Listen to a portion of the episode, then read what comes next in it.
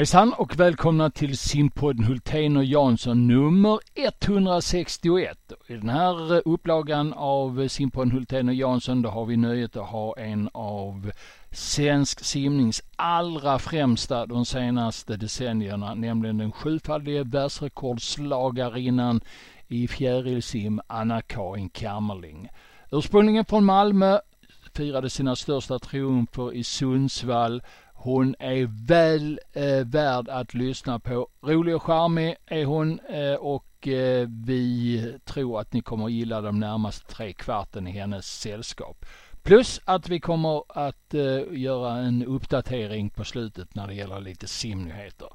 Simpodden Hultén och Jansson nummer 161. Nu kör vi! Nu ska vi snacka simning. Ja, om de gör det bättre, det vet jag inte, men de gör det oftare. Det är ju omänskligt. Ja, men det gör vi Bosse, vi trummar på. Simpodden, Hultén och Jansson. Nu har vi tryckt på den magiska knappen här och nu börjar vi spela in. Eh, Men det har vi gjort en liten stund innan också. Anna-Karin Kammerling, välkommen till simpodden Hultén och Jansson. Tack så mycket. Mm. Kul att ha, ha dig med här. Eh, vi ska ju lite skärskåda ditt liv. Du har ju precis eh, blivit vuxen tänkte jag säga. Nej, men det var inte så länge sedan du fyllde 40. Betyder det någonting? Nej, inte mer än att man, man på pappret blir äldre. Eh, så är det väl. Eh, sen Mm. tycker jag väl inte att det är eh, superkul, men jag är tillfreds med, med livet och där jag är just nu. Mm, ja, bra. Det gläder mig att höra. Du, du ser ut att vara glad i alla fall. eh, om man backar bandet 40 år så är det lite överraskande att du är född i Malmö. Eh, då ställer man sig frågan hur, hur kunde detta inträffa för denna någorlunda inbitna norrländska att du landade just i Malmö? Men jag har, har ju en mamma som är född i Blekinge och vi hade släkten som bodde i Skåne. Så att eh, mina föräldrar bodde ju i Oxie. Mm. Eh, Så att eh, då eh, föddes man där nere i Skåneland och eh, vi flyttade norrut när jag var tre år, någonting Mm. sånt. Men sen har vi ju ändå alltid liksom haft en stark anknytning, haft lägenhet under hela uppväxten i Malmö och så att det var ändå en, en ehm, eh, vad ska jag säga, ändå en fast punkt i, i, i livet under uppväxten tycker jag. Mhm. När du sen övergav Malmö, för det- jag kan ju inte säga att skånskan direkt har satt sina spår hos dig. Uh, var landade du då? Eh, I Bollnäs. Så Mm. att eh, där växte jag upp eh, och eh, bodde kvar där tills jag nästan skulle fylla 17. Gick första Mm. året på gymnasiet i Bollnäs innan Mm. jag eh, tog mitt pick och pack och flyttade då till Sundsvall. För Mm. simningens skull. Men du uh, började simma i Bollnäs, vill jag minnas va? Och sen blev det Söderhamn, eller hur var det? Ja, jag simmade i Bollnäs och eh, fram tills jag var tio, någonting sånt. Och eh, på den tiden hade Söderhamn ett eh, lite större gäng med, med ungdomar som simmade. Uh, och jag kommer ihåg mitt första sumsim så var jag som ensam representant ifrån, eller nej vi kanske var två, en, en kille också. Men i alla fall, det var en väldigt tunn trupp till Sumsim Riks. Eh, så jag och min pappa liksom åkte själv på det där. Och eh, då hade väl han snappat upp att Söderhamn hade väl lite större verksamhet. Så att eh, då bytte jag klubb när jag var 11 år. Är det långt mellan Bollnäs och Söderhamn för oss som inte är helt orienterade? Ja, för norrlänning då så är det ju inte så långt. Utan eh, tre och en halv mil, tre, tre och en halv mil. Det är ju ingenting. Då när du var i den åldern, 11-12 år, var det redan då självklart att du ville bli liksom en simstjärna? Absolut inte skulle jag säga. Utan eh, eh, jag tyckte nog att det mest bara var roligt att hålla på. Men jag tyckte ju att det var roligare att vara kanske i ett sammanhang där det fanns eh, ja men en större grupp eh, kamrater att hålla på med. Eh, jag kommer ihåg när jag varit uttagen till eh, mitt eh, första junior-EM eh, och eh, tackade nej till det för att då skulle vi åka med klubben på läger. Så att det var ju roligare. så att det, det är väl liksom, säger kanske lite grann om hur, hur var, vad tankarna var i den åldern så att säga.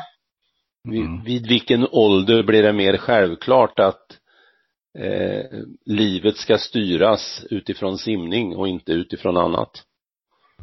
När jag var, jag skulle nästan fylla 17 och, och flyttade till Sundsvall. Det var väl ett sånt tydligt vägskäl att, ja men okej, nu, nu ska vi satsa liksom och prova hur, hur långt simningen kan ta en. Ehm, så då, det var nog först då jag hade en mer, vad ska man säga, professionell eller eh, målinriktad inställning till simningen. Så att det här med att bli, bli bäst eller ha koll på vilka som var duktiga när, när jag var ung, det hade jag noll koll på. Det, det enda tillfället jag, jag kan komma ihåg när jag riktigt sådär äh, kände att wow, det finns ett större sammanhang i tävlingsform att vara med i. Det var när, vi, när jag tittade på tv på OS i Atlanta.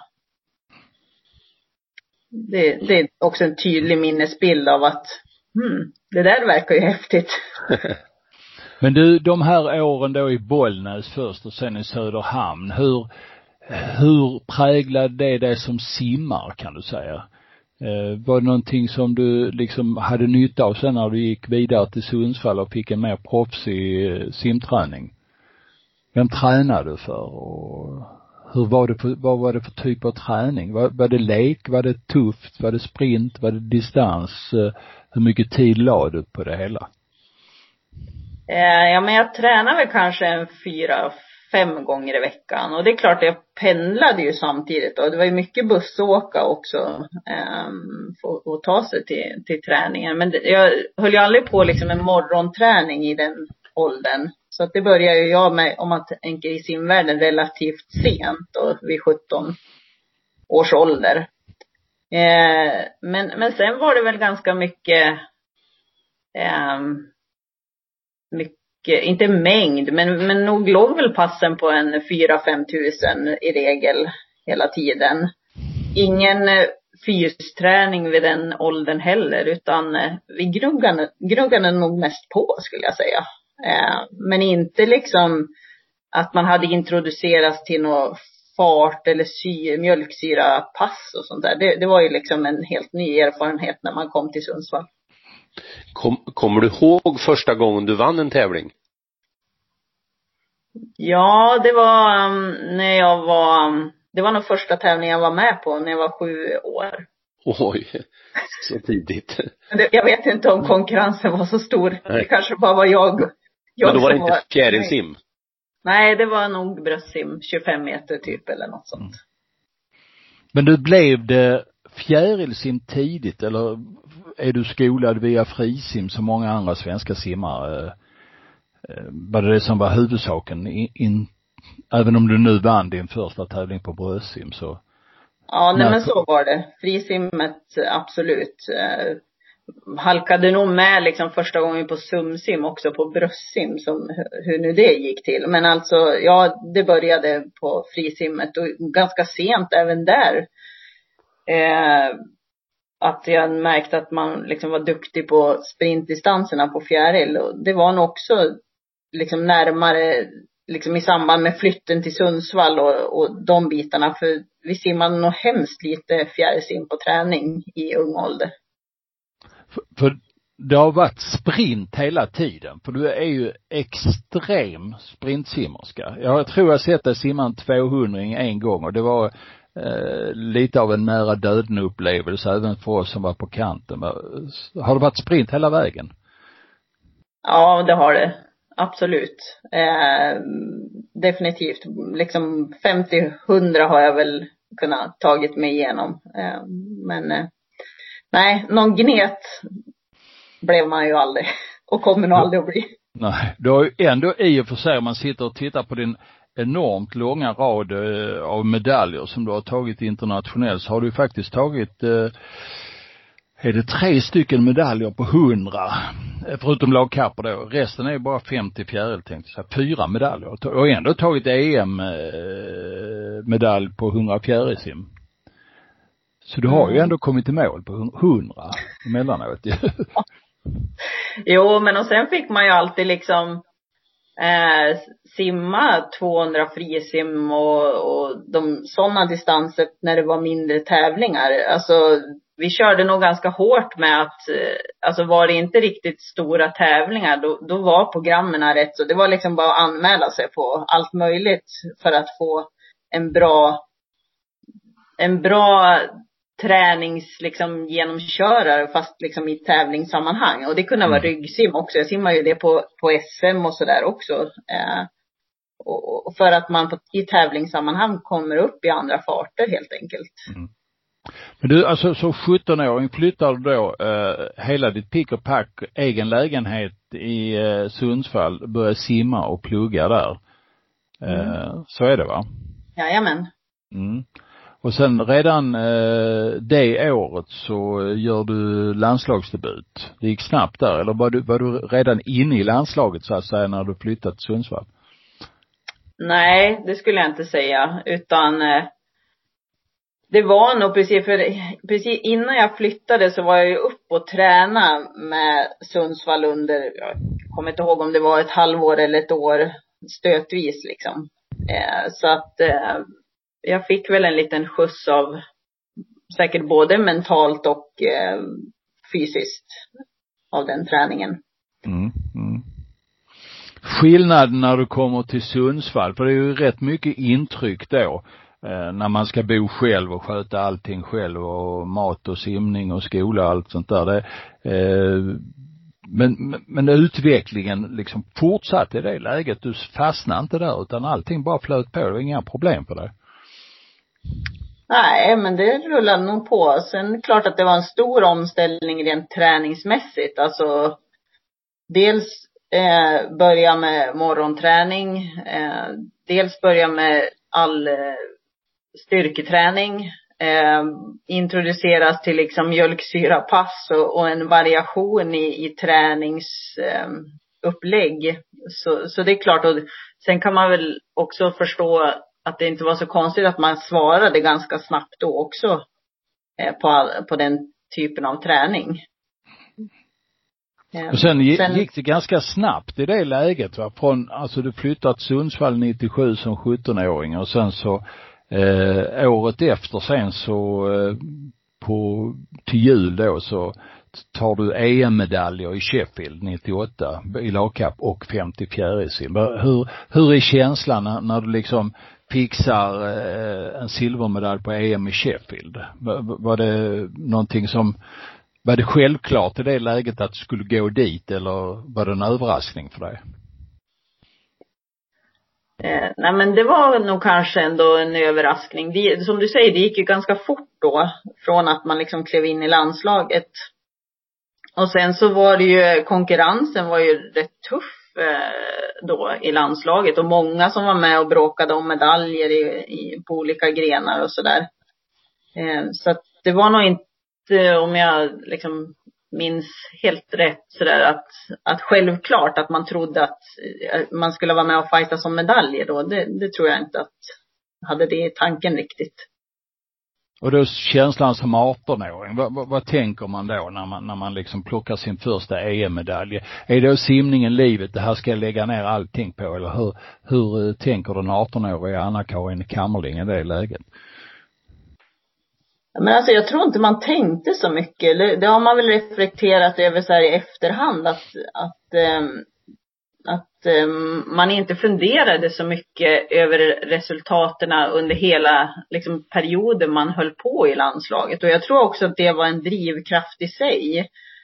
Eh, att man aldrig stannade upp. Dels på grund av att man ofta hade fler eh, grenar under ett, ett mästerskap.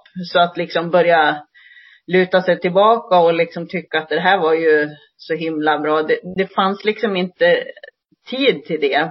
Um, så att det var liksom, ja men det var ju bra check på det och så var fokus liksom nästa gren. Och jag tror också om, man, om jag tittar på Hasse Bergqvist som var min tränare också och hur vi jobbade ihop så var det ju inte heller så att varken han eller folk i min omgivning eh, håsade upp liksom en framgång mer än vad den var. Utan det var liksom bra och så sen så har man fokus på nästa mästerskap som kommer liksom ett halvår bort eller ett mm. år bort. Eh, och, och det tror jag är mycket liksom anledning till att man kan fortsätta att prestera. Det var inte kortege med raggarbil genom Sundsvall och sånt efter EM-medaljerna och sånt där? Nej. Nej. Nej. Jansson? när du, när du säger att du mer i efterhand reflekterar lite grann, kommer det också då reflektioner kring eh, olika vägval du gjorde under din simkarriär? Att ja, jag kanske skulle ha tänkt så eller tänkt så eller känns det även i efterskott som att det var eh, en, en spikrak väg och eh, den rätta vägen? Rätta vet jag inte om man någonsin vet i sina vägval i livet om de är. Eh, sen kan jag inte vara, jag är inte sån som person att jag ångrar utan det är de val man gjorde, de de var, tyckte man ju var rätt då, där och då. Ja, såklart. Eh, så att eh, det är klart att det finns säkert val man hade kunnat gjort annorlunda eller man funderar varför testade jag inte det här eller gjorde si eller så men äh, det är väl ingenting att Men inget specifikt så som du grämer dig över? Nej, alltså det är klart att med den, med den utrustning och möjligheter man har idag skulle jag ju säga att vi gick ju enormt mycket på känsla. Eh, och inte så mycket liksom mätningar och uppföljning och liksom analyser och så utan det var liksom vad säger kroppen, vad tror vi, hur kör vi och så liksom och föra träningsdagböcker jag har aldrig gjort liksom, eh, någonsin. Alltså det var, det var mycket mera eh, bollkänsla och en erfarenhet utifrån liksom Hasses eh, erfarenhet. Eh, och sen klart att man ibland sådär, ja, hade det varit spännande och testat på, åkt till USA och simmat, men herregud, det går inte att göra allt. Och ni var ju många bra simmare i den, i Sundsvall, när det, då i slutet av 90 och början av 2000. Absolut. Så det var ju en, en stimulerande miljö kan jag tänka mig. Absolut, det var det. Ja, valet var ju att flytta till Väsby, men jag tror jag gjorde rätt som flyttade till Norrland. Du. Vi ska ja. fråga Josefin Lillhage vad hon säger om det uttalandet men det tar vi en annan gång. Vi, eh, en liten fråga i sammanhanget. Den träningen som du, du genomgick där, var det Anna-Karin Kammerling träning eller var det Sundsvallgruppen träning? Det vill säga, var det skräddarsytt för dig eller hur, hur var träningen? Nej, inte inledningsvis. För som Thomas säger också, det var många bra eh, simmare.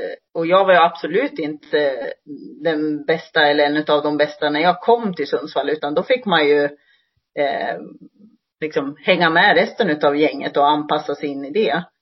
Sen, eh, jag menar, jag och Hasse tränade ju i lag eh, under hemskt många år. Så det är klart att senare under den här tiden så anpassades det ju mer utefter vad kanske jag behövde som simmare och, och upptäckte att kanske inte jag passar in riktigt och gneta på det sättet eh, eh som, som andra gör, men också att jag var nyfiken och, på att testa nya saker, gillade styrketräningen, vilket gjorde att vi experimenterade ju hemskt mycket med det. Vi testade köra boxning ett tag. Vi testade att köra med friidrottsgänget så att absolut anpassades men inte från början.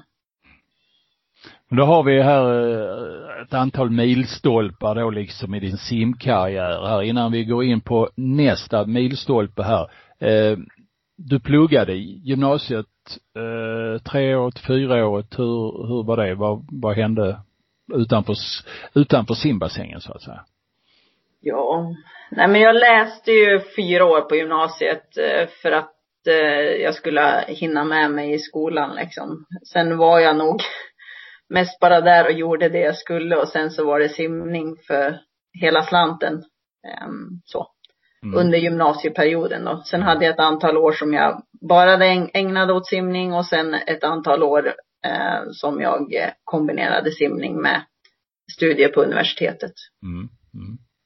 Eh, vi säger 97 kommer du till Sundsvall, 98 tar du din första EM-medalj och sen sommaren 99 så kommer en av de stora högtidsstunderna. Eh, det vill säga du slår ditt första av, vad är det, sju världsrekord på 50 fjärilsim. Eh, även om du nu har ett minne som en guldfisk som du säger, kan du erinra dig den här dagen i, i brottet i Halmstad 1999 när du sätter dit det första världsrekordet? Och vinner en bil, var det inte så också? Eller var det, ja. nej det var, jo, eller var det nästa världsrekord kanske till och med? Ja, jag berättar, hur, hur var den där dagen i, i Halmstad? Kommer du ihåg? Jo men det var ju sådär att strax före den här, det här SMet så, så kan jag komma ihåg att Hasse under en träning i Sundsvall kommer fram och säger att Ja, alltså vi har ju ett EM som liksom kommer efter SM och absolut, det är ju det som är viktigt för sommaren. Men på, på SM så kan man vinna en bil om man slår världsrekord. Så att eh, jag tycker vi testar och släpper lite grann på träningen inför SM. Men det behöver vi ju inte säga till någon. Utan det, det, det liksom gör vi bara. Ja, mm. ja, det kan vi väl göra. Och så sen så var det väl liksom ingenting mer vi pratade om så, att försöka och, och slå det där världsrekordet. För någonstans så kändes ju det också högst orimligt. Eh, men ändå var ju liksom, jag hade ju släppt lite grann på träningen och eh, var ju enormt liksom fokuserad och laddad inför loppet, det kan jag komma ihåg. För, förstod du efter försök att det var stor chans att slå världsrekord? Ja, det kommer jag inte ihåg faktiskt. Um, nej, det, det, vet jag inte. Men, men någon sorts uh, okej okay känsla må man ju ha haft. Eller så hade man bara väldigt bra självförtroende den dagen. Jag vet inte. Vi ska uh. säga, säga då till lyssnarna här att eh, 99 då så slog Inge de Bruyne världsrekordet den 18 juni och noterade då 26.54 och så kommer du till SM då två veckor senare. För att få in det i ett sammanhang. Mm. Ja. Nej men eh, sen så, ja det, det, är klart att det var ju enormt häftigt eh, att, att få slå världsrekordet och sen så att den där bilen i den åldern och liksom i, i simsammanhang var ju det liksom stort. Eh, det gjorde ju det kanske liksom än mer extra eftersom, och, och på ett SM dessutom. Och så sen var det ju så att det, det var ju länge sedan någon svensk hade slagit något världsrekord då. Det var ju inte som, som nu har det ju ja men alltså det, det har ju slagits mycket världsrekord av svenskar efter det. Ja, nej, det var väl det första efter Per Arvidsson tror jag, 80. Det var typ 18 år eller något sånt där. Mm. Emellan. Men du, var det en Chrysler du vann? Nej, vad var det för ja, bil? Ja, det var det. Ja. Ja, en sån där, en modern variant utav Chrysler som de såg ut långt tillbaka, om jag kommer ihåg rätt. Ja, det var någon mindre modell. Jag vet inte om jag ja. skulle tycka den var så snygg idag, men då var Nej, jag helt nöjd. Det, det var inte snygg då heller. men du vann en bil och det var stort. Ja, Men du, eh, så sa han då att ja, nu ska vi släppa, säg ingenting. Eh, hur gick det på EM sen då? Ja, men då slog jag väl världsrekordet igen då, så då kändes det ju som att det var inte bortkastat det där. Mm. Fick du en bil till då eller nej? Nej. Nej eh, kan berätta då att 26.39 var det på SM, sen var det 26.29 sen eh, fyra veckor senare på, på EM i Istanbul. Hur, hur tänker man när man slår världsrekord? Alltså, mm, vad, vad blir det för känslor inombords? Jag menar det är ju, om man bara luktar på ordet och smakar på det liksom världsrekord, ingen annan har gjort det här bättre än vad jag nu gjorde vad blir det för känslor i huvudet? Nej men eh, jag tror man var väl jätteglad och, och säkert lite stolt just då men, men eh, jag, jag tror inte jag var så ut, är väl kanske inte nu, nu heller, men alltså uttrycksfull i mina känslor så, varken när det gick dåligt eller jättebra. Så att man, ja, visst kände man väl någonting absolut, men eh, ja, sen är det ju klart att man, man hade ju inte heller Eh, man, man levde ju väldigt mycket i en bubbla då. Man hade ju inte samma liksom information som man har idag att kunna ta del av. Vad händer liksom, vad skrivs det och liksom, utan man var ju med, med simfamiljen om man säger på plats just då och sen så som sagt, det, det kommer ju nya lopp hela tiden. Men absolut var man jätteglad. Nu har vi pekat ut året 97, 98, 99. Sen kommer 2000. Då laddas det för eh, OS i Sydney och där ska du vara med och, och simma då och kvalar in. Eh, vad var fokuset när du eh, ladd, laddade och tränade inför OS-säsongen i Sydney? Men det var ju så att eh, varken då eller nu finns ju 50 fjäril, det är bara 50 frisim som finns på OS-programmet. Som gjorde att någonstans var jag ju tvungen att eh, välja någonting annat som egentligen inte var den distans som jag var absolut bäst på. Och då, då vart det ju fokus på 100 fjäril. Och det var ju det jag liksom kvalade in på också. Och så en utav eh, eventuellt gubbarna i, eh, liksom i ett lagkappslag på 4 gånger 100 frisim. Eh, simmade ett försök på 100 fjäril och tog mig till semifinal och om jag inte minns fel så var det ju så att semifinalerna eh, gick ju samma eftermiddag som finalen på 4 gånger 100 frisim. Eh, och jag simmade inte i försökslaget på, på lagkappen. Men det var eh, klart att du skulle simma i finallaget där? Ja, det var nog inte klart förrän efter försöks, liksom loppen var gjorda. Um, så att det var absolut inte självklart jag, utan det var ju någon, något val som, som Kronak gjorde efter försökspasserna liksom, vilka som skulle simma i mm. finallaget. Mm. Mm. Um, och eh, både jag och eh, Johanna Sjöberg hade ju semifinal 100 fjäril då strax före också den här finalen skulle gå. Och ingen utav oss simmade, tror jag, om jag minns fel, så himla bra då. Utan det var väl liksom, samtidigt så var det ju det som var första loppet, så jag tror inte man funderar så himla mycket just på lagkappslaget. Utan eh, jag har nog upplevt att när man väl går in i i en, eh, i en lagkapp så behöver man inte fundera så mycket för man får så himla mycket hjälp utav eh, sina lagkamrater. Så att, ehm, ja, och sen så var det ju så att jag fick simma sista sträckan på, på lagkappen då. Eh, och det var ju liksom jämnt och, och hej och hå. Och jag vet att om det var tyskarna som var på banan intill som hade, hade Sandra Fölker. Fölker på sista mm. sträckan och hon var ju rätt vass på 100 meter och eh, ja, det, det var oerhört jämnt när, när jag skulle gå i eh, vattnet och vi hade ju haft eh, Therese Alshammar, Louise Junke och Johanna Sjöberg hade simmat de andra sträckorna. Eh, och sen så, ja, vi kommer trea med om det är en hundradel eller två hundradelar. Det är liksom, ja, lite och ingenting i marginal ner till fjärde platsen. Men kommer du ihåg något vad, vad som far runt i hjärnan där när det är 20-25 meter kvar? Är du, är du medveten då om att det handlar om en tredje plats? Jo, men det tror jag att jag är. Och jag ser ju också att det är sådär oerhört jämnt. Och, och man vet, alltså det var väl ja, bara vilja liksom. Men alltså vi pratar ju så få hundradelar så det, det hade ju lika gärna kunnat bli så att vi kommer fyra liksom. Nu hade vi turen på våran sida och kanske en något bättre målgång, vad vet jag. Men du blev lite avslutningshjälte ändå i den där lagkappen.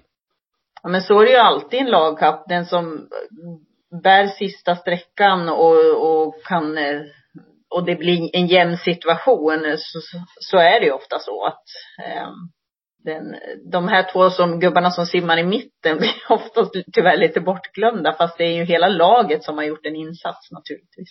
Men det fanns väl en anledning att du simmade sista och det var ju att du, du var ju en av de som kunde lyfta sig i de här sammanhangen. Det är inte alla som kan det. Eller? Nej men jag var, absolut, och, och jag behövde väl kanske det också utifrån att jag vart oftast lite trött på slutet. Mm. Eh, som den sprinter man var. Och, och då att få liksom hjälp av att man hamnar i en situation som, som blir pressad så kan man kanske ta fram lite mer vilja på slutet då.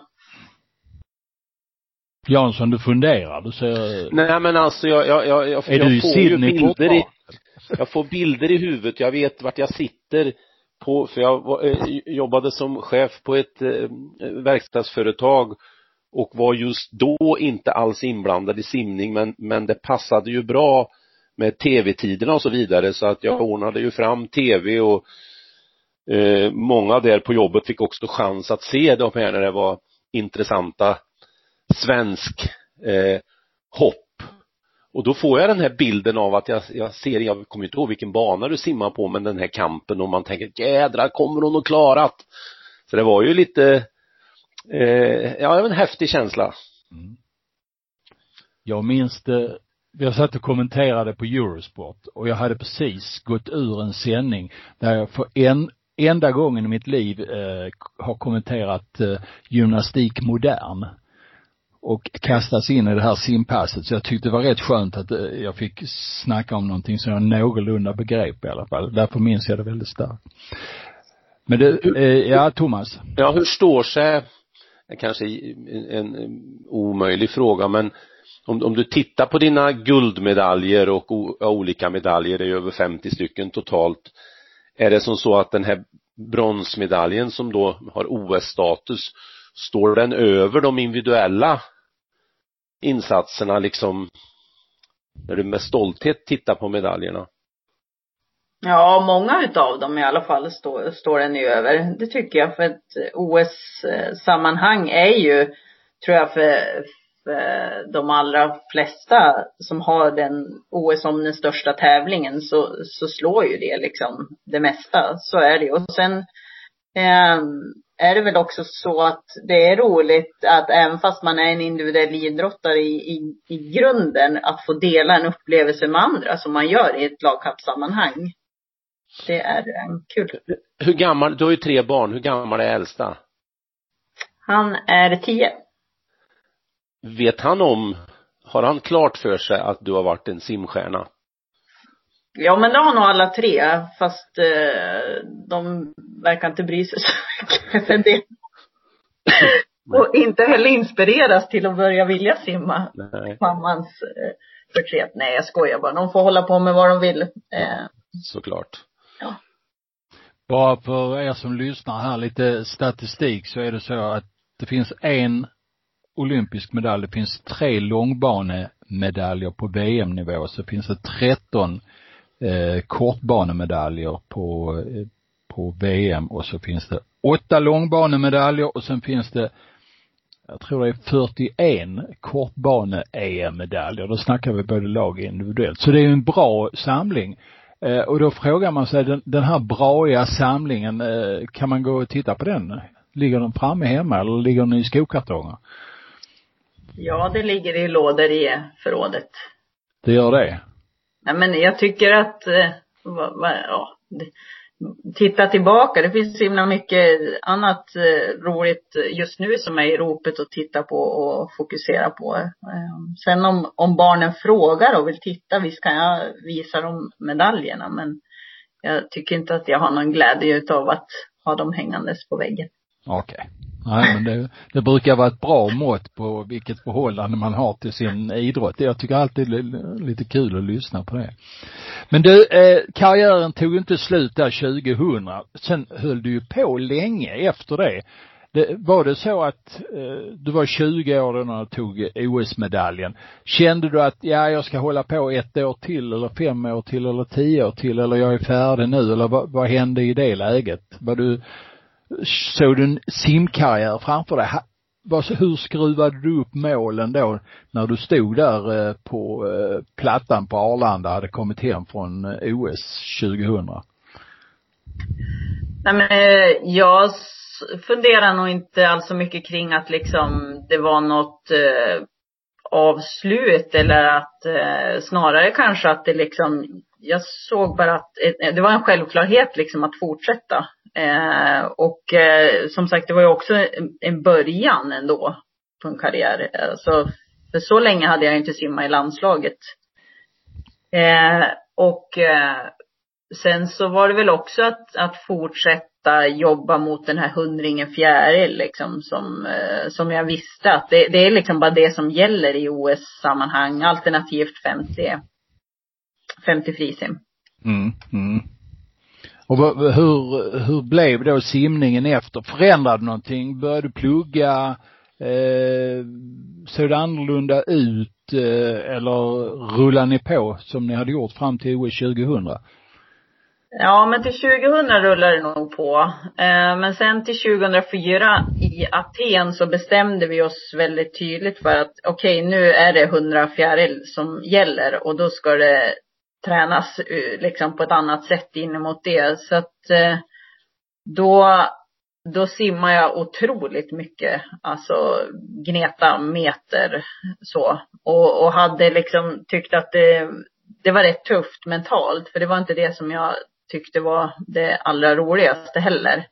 Vilket gjorde att, eh, ja men jag tappade nog lite grann suget in emot eh, OS i Aten.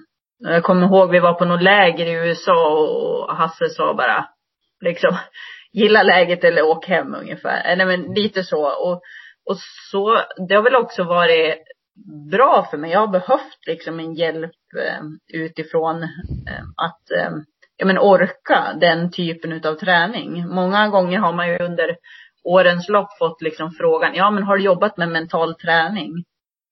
Och jag brukar säga att Eh, för mig var den mentala utmaningen att orka i träningssammanhang. Och, och det var ju liksom, då fick man hjälp av, av tränarna eh, att orka.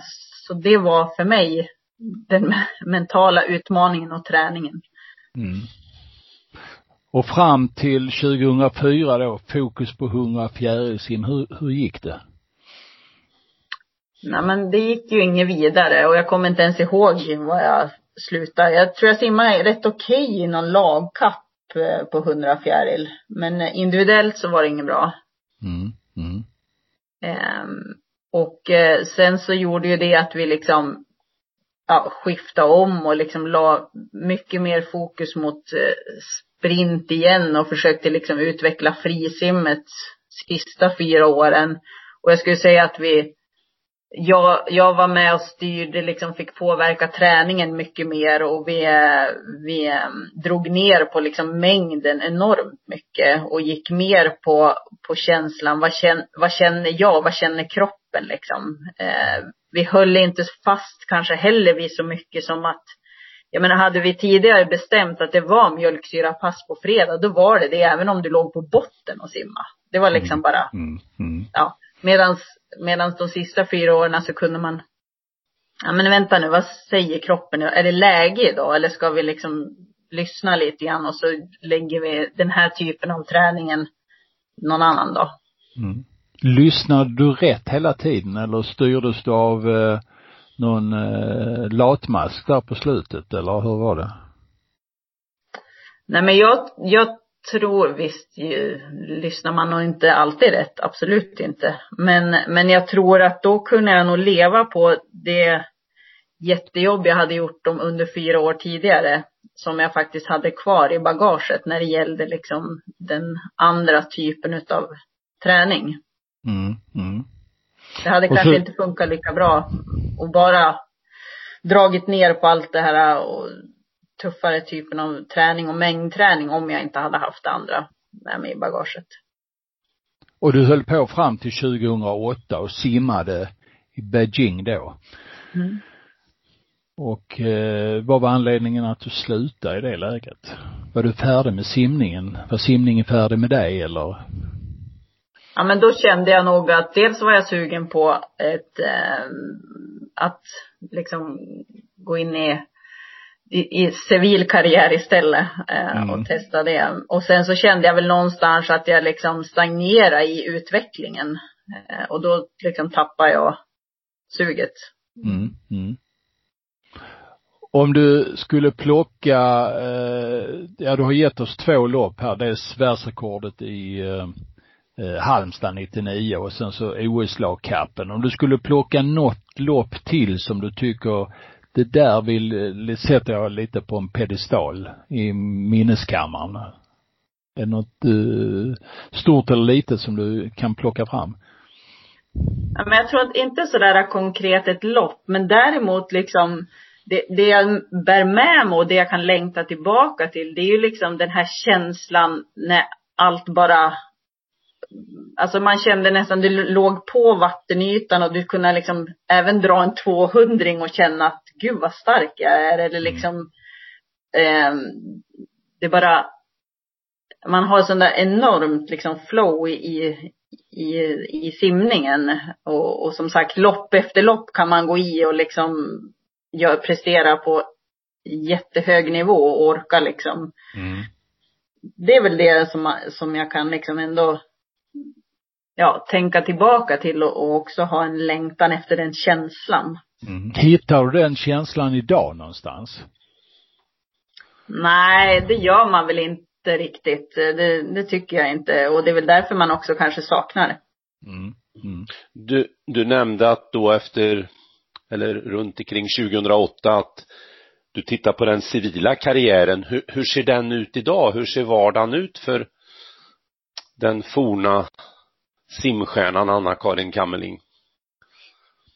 Men idag jobbar jag på um, OSB, HSB, södra Norrland, som affärsområdeschef för Västernorrland. Eh, har också sedan eh, 2010 jobbat tillsammans med Radiosporten som expert, vilket gjort att jag haft förmånen att ändå hänga kvar lite grann i, i simsammanhang liksom och i vid de stora mästerskapen, vilket eh, är kul.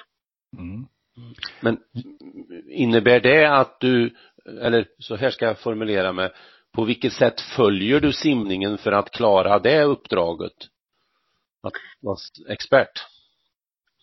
Thomas Nej, men... vill ha lite tips nu. nu. Ja, gärna. Nej, men jag är lite nyfiken på liksom, mm, är du liksom en sån där som är inne på på nätet och gräver titt som tätt? Eller är det inför de stora mästerskapen? Eller är det i kontakter med dina forna simkamrater? Eller hur, hur?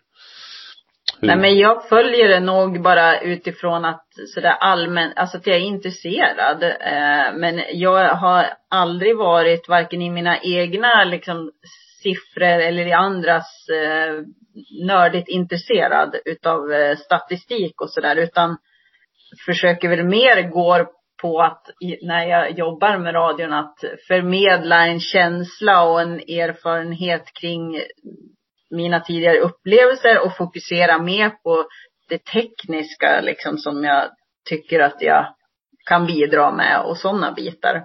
Tider och, och siffror tycker jag att det kan även en icke simkunnig eh, kollega då som sitter med mig på radion fånga. Mm. Så att man får väl liksom, eh, tror jag, försöka bidra med det man är verkligen intresserad av själv. Mm. Är det kul att sitta och snacka i radion? För om, om vi skulle backat bandet 22 år ungefär, då skulle jag aldrig sagt att Hanna-Karin Kammerling skulle sitta i radion och snacka simning.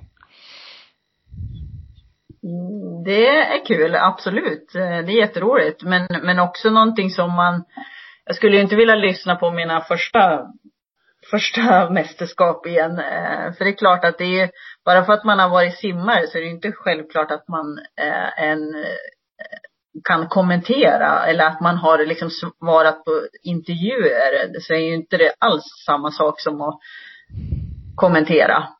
Och också att man behöver lite distans för att liksom kunna det är, kommentera de som faktiskt fortfarande är sina tidigare liksom simkollegor på ett bra sätt och på ett objektivt sätt.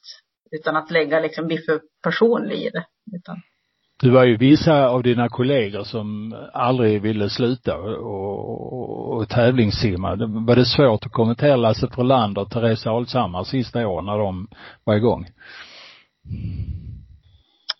Nej, nej men det är det väl inte, men kanske om man säger det var väl kanske svårare första åren när man kommenterade generellt att liksom släppa det här att jag känner personerna. Man, man måste ju kommentera då utifrån deras prestation i, i vattnet. Mm. Så det, det handlar väl kanske mer snarare om, om min erfarenhet kring att jobba med det här, med kommentatorsbiten liksom. Mm.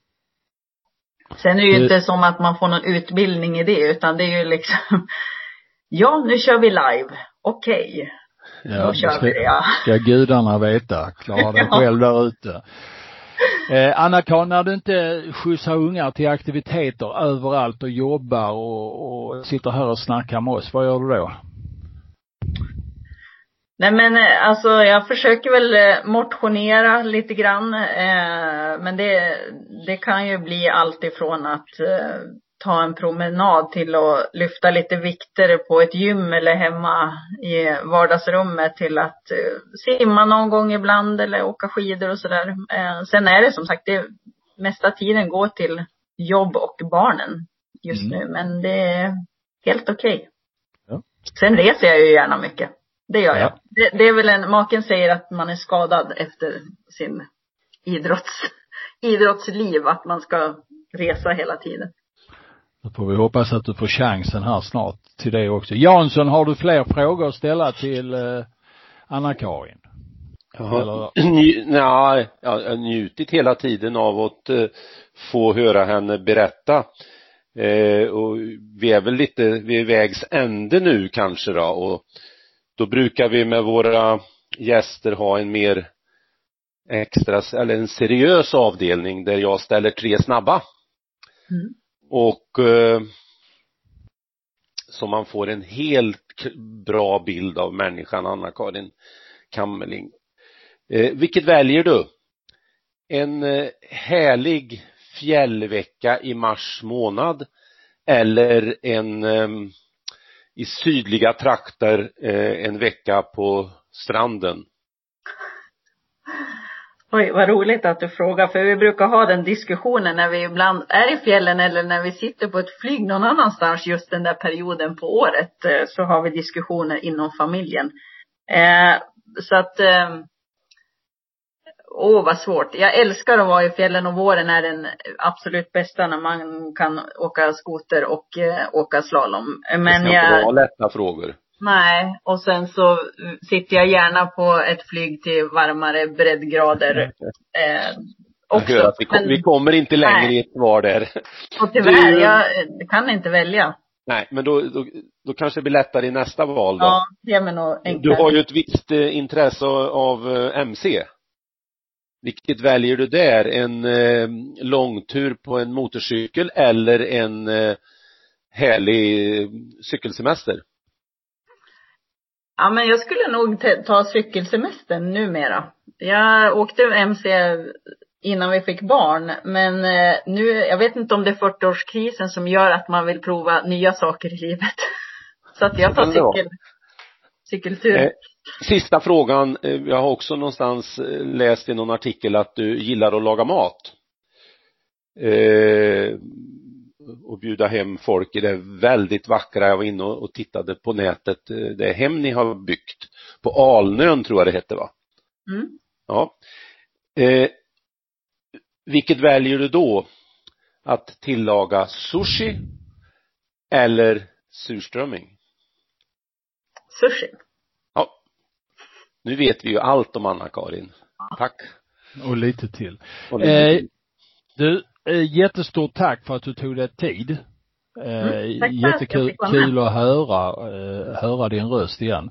Vi hoppas vi ska få höra den från simtävlingar om inte annat eh, inom kort när världen eh, blir annorlunda. Men i alla fall, ett stort tack för idag. Ha det så gott så hörs vi igen. Tack snälla för att jag fick vara med. Tack, hej. Nu ska vi snacka simning. Ja, om de gör det bättre, det vet jag inte, men de gör det oftare. Det är ju omänskligt. Ja, men det gör vi Bosse, vi trummar på. Simpodden, Hultén och Jansson.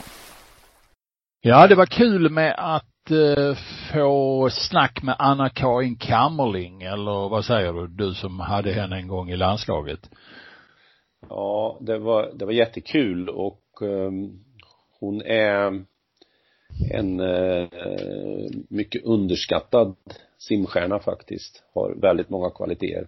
Så det var jätte, jätteintressant och bra att hon hade tid att, att snacka lite med oss. Mm. Verkligen. Du, vi ska snacka lite mer simning här eh, också. Någonting som Anna-Karin inte var så intresserad av, det var statistik. Men eh, då har hon ju en motsats i, i det som har suttit och, och benat igenom, eller benat upp den här eh, 25 meters kortbanestatistiken som jag la ut på simma häromdagen, både på dam och herrsidan. Eh, den är inte en rolig läsning coronaåret 2020. Nej, det är det ju inte. Man får ju ha det i beaktande när man tittar på den. Jag brukar ju eh, sett över åren till exempel kolla hur, hur många positioner har vi på över 800 poäng. Då kan man ju liksom kalla det att då nosar man kanske på landslagsverksamhet och så har vi tagit 900 poäng som ett riktvärde för att då vet man att man kanske kan slåss om eh, finaler, semifinaler på ett eh, långbanemästerskap till exempel. Eh, och tittar vi då in här så kan vi konstatera att herrarna har åtta positioner över 800 poäng. Eh, och en över 900. Och det är då Eriks 200 meter bröstsim som är den som är över eh, 900. Så att eh, det är ju inte så många positioner och det förklaras ju förstås utav hur året har sett ut. Eh, damerna har ju klarat av mer. De har 17 positioner på 800 eller mer. Eh, varav, och dessutom fem över 900 och där är ju då eh, Sara och Louise tror jag det var som Eh, på rätt sida 900 strecket. Så det ser lite, lite ljusare ut om vi tittar så men såklart det här året är det ju eh, ja, många förklarliga skäl. Sen hoppas jag att man försöker på hemmanivå ändå ordna tävlingsförhållanden och genomföra högkvalitativa race. Eh, det var ju till exempel intressant att höra Anna-Karin beskriva att de släppte till SM istället för EM senare men det resulterade i att hon simmade bra både på SM och sen ännu bättre på EM. Så det här att tävla på hög nivå det är viktigt. Du tävlar på hög nivå, det gör de ju just nu eh, på ISL, International Swimming League. Det är finaler lördag, söndag som vi ska kommentera på Eurosport. Eh, vad tycker du om det här konceptet som har sett varenda minut hittills? Ja, jag gillade ju nyordningen som var redan förra året men då var det ju lite för dålig backup med information för att kunna göra riktigt bra sändningar av det och eh, men jag tyckte ändå det var spännande.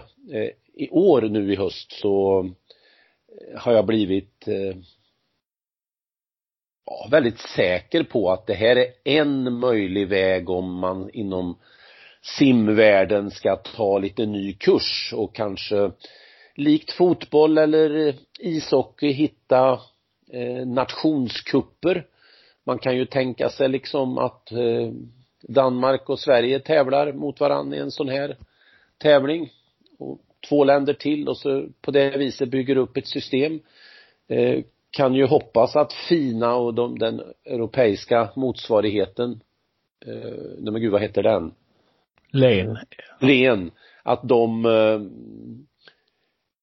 släpper all prestige och eh, är med och tänker lite nytt. Så att jag är jätteförtjust Bosse. Mm. Vad säger du själv? Jag menar, du ja, ju alltså jag, jag, jag gillar det. Jag gillar verkligen det. Eh, man brukar säga vad man inte gillar, men jag gillar nästan alla delar av det här Eh, konceptet. Eh, rent journalistiskt så är det en backup som aldrig har funnits tidigare, både med resultatstatistik, snabbhet i service. Man ska veta att hela resultatboken, tävlingar, ligger ute åtta minuter efter tävlingarna är avslutade. Då är poäng och allting klart för 300-400 simmare. Eh, jämför med Finas agerande så är det handräknat. Det tar oftast ett halvt dygn innan man får resultaten, oftast ett dygn. Eh, Okej, okay, tider och sånt kommer ju direkt va, där också men, men här allting runt omkring perfekt. Bara det här att vi får bilder eh, och de har fotografer som är där och plåtar eh, Eh, som behövs i de här sammanhangen nu eftersom det är coronatider. Annars så är det väl i och för sig så att man kanske eh, slår undan eh, en del arbetsmöjligheter för fotografer. Men, men alltså fantastiskt vilken service det är, allting runt omkring. Det som eventuellt är lite dåligt, och det har de ju egentligen svarat upp till, eh, och det var ju så att de har mer fokus i ISL på poängen än på tiderna. Men nu har man svarat upp och så har man, står alla tiderna i tv-rutan i grafiken med avstånd till segrarna och det är ju den möjligheten som de har i just nu i eh, Omegas internationella program att kunna köra. Hade de använt Omegas skandinaviska program så hade vi haft exakta tider för alla den här totalservicen, den saknar jag tidsmässigt. Man får inte glömma bort att simning är och förblir och kommer alltid att vara en väldigt precis idrott där varje enskild idrottsmans exakta eh, insats kommer att bedömas. Inte bara eh, att eh, man simmar in på en fjärde plats och tar si och så många poäng utan det är väldigt viktigt också att få veta eh, tiderna och inte bara för segraren. För ska man skapa ett internationellt tryck och intresse för den här tävlingen så måste alla kunna exponeras och alla ska kunna ses. För det är ju ändå 50 nationer, 350 simmare som är med och eh, det är inte bara ettan som ska exponeras. Det är jätteviktigt att, att tänka på. Så jag, jag gillar konceptet, jag gillar snabbheten. Eh, jag tycker om eh, hela upplägget. Ibland så kan det kännas lite för flashigt men å andra sidan sett så det ser jävligt fräckt och snyggt med att spela tv-spel. Känslan? Nej, men jag bor ju i en liten stad, en eminent stad, Filipstad och det är klart att det händer då och då någon gång kom, någon säger liksom att ja, då när Therese höll på liksom hur är det, eh, hur, hur, hur känner du henne och hur, hur är hon som person? Och, och man kommenterar hennes lopp och lika som Sara och, och så vidare. Eh, nu för första gången när jag har, har varit hem så har det faktiskt varit sådana som har kommit fram som då inte är annat än idrottsintresserade som har kommenterat och sagt himla kul med det där nya som har mm. följt det. Och det, det, alltså det är ju inte som så att det har stått tusen personer och väntat på att jag ska komma till Filipstad och säga det, men varit inne på ICA och handla och så har det varit någon som har sagt något eller så. Och det tar jag som en intäkt att det ändå är kanske det här kan vara intressant för gemene man i slutändan. Mm. Mm. När väl lagarna sätter sig och då tror ju jag på den geografiska tillhörigheten som du och jag har varit inne på att eh, proffsligorna kanske ska vara uppbyggda utifrån nationer. Mm. Eh, och sen tror jag ju att det här är ju ett ypperligt eh, koncept att bara plocka in för att kora lagmästare i Sverige och ta bort eh, en gång för alla, ta, ta bort lagpoängen i samband med när man korar individuella svenska mästare och så kör man en speciell eh, cirkus kopplat till lagmästerskap som slutar med en final och så korar vi en lagmästare. Mm. Här finns konceptet, det är bara att tänka nytt och eh, tänka framåt. Ja, och tekniken har vi så att eh, det, det fixar man igång eh, hur lätt som helst egentligen och så är det bara att köra. Mm. Det är det. Mm, kul. Ja, eh, svenskarnas insatser så här långt, det är ju tre stycken som eh, inte kommer få simma finalen, det vill säga Erik Persson, Michelle Coleman och Louise Hansson för deras Toronto Titans är ju utslagna. Men däremot Sara förhoppningsvis ska simma final eh, eftersom hon representerar fjolårssegrarna Energy Standard. Nu har hon ju lite ryggproblem igen, Sara. Eh, men om vi koncentrerar oss på eh, deras insatser så här långt, vad säger du då?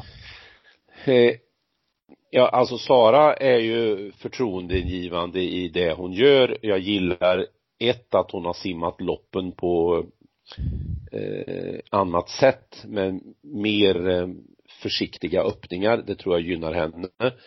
Jag är långsiktigt lite bekymrad av det här med ryggen och vad det kommer att få för konsekvenser. Det, det måste jag säga. Eh, hoppas inte att hon har en, en Eh, vad ska vi säga, våga riskera något till helgen utan eh, tänker långsiktigt. Ryggbekymmer kan Ja, det, lite bekymrad blir jag där.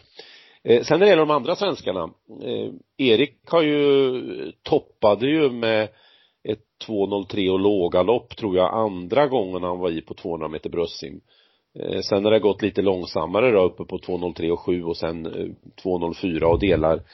Eh, det blir ju tydligt hur, hur svårt han har att konkurrera i, när det är många vändningar.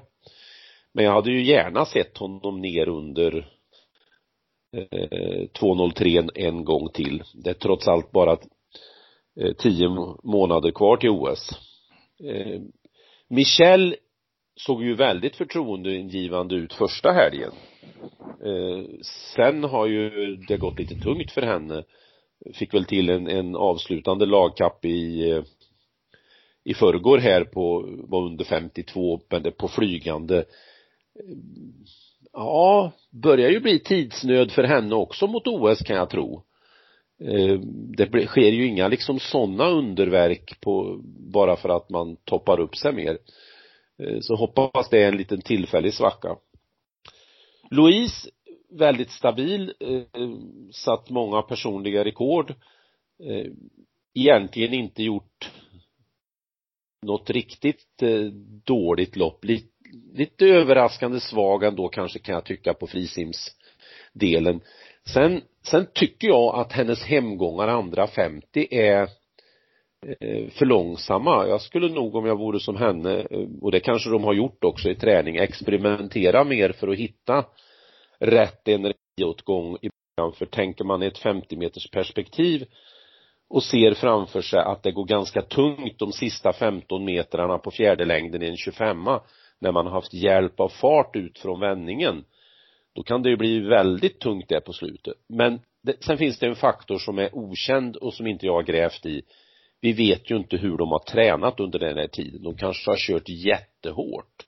Och då helt plötsligt faller hela mitt resonemang för då är det, då är det helt naturligt att det har sett ut som det gör mm.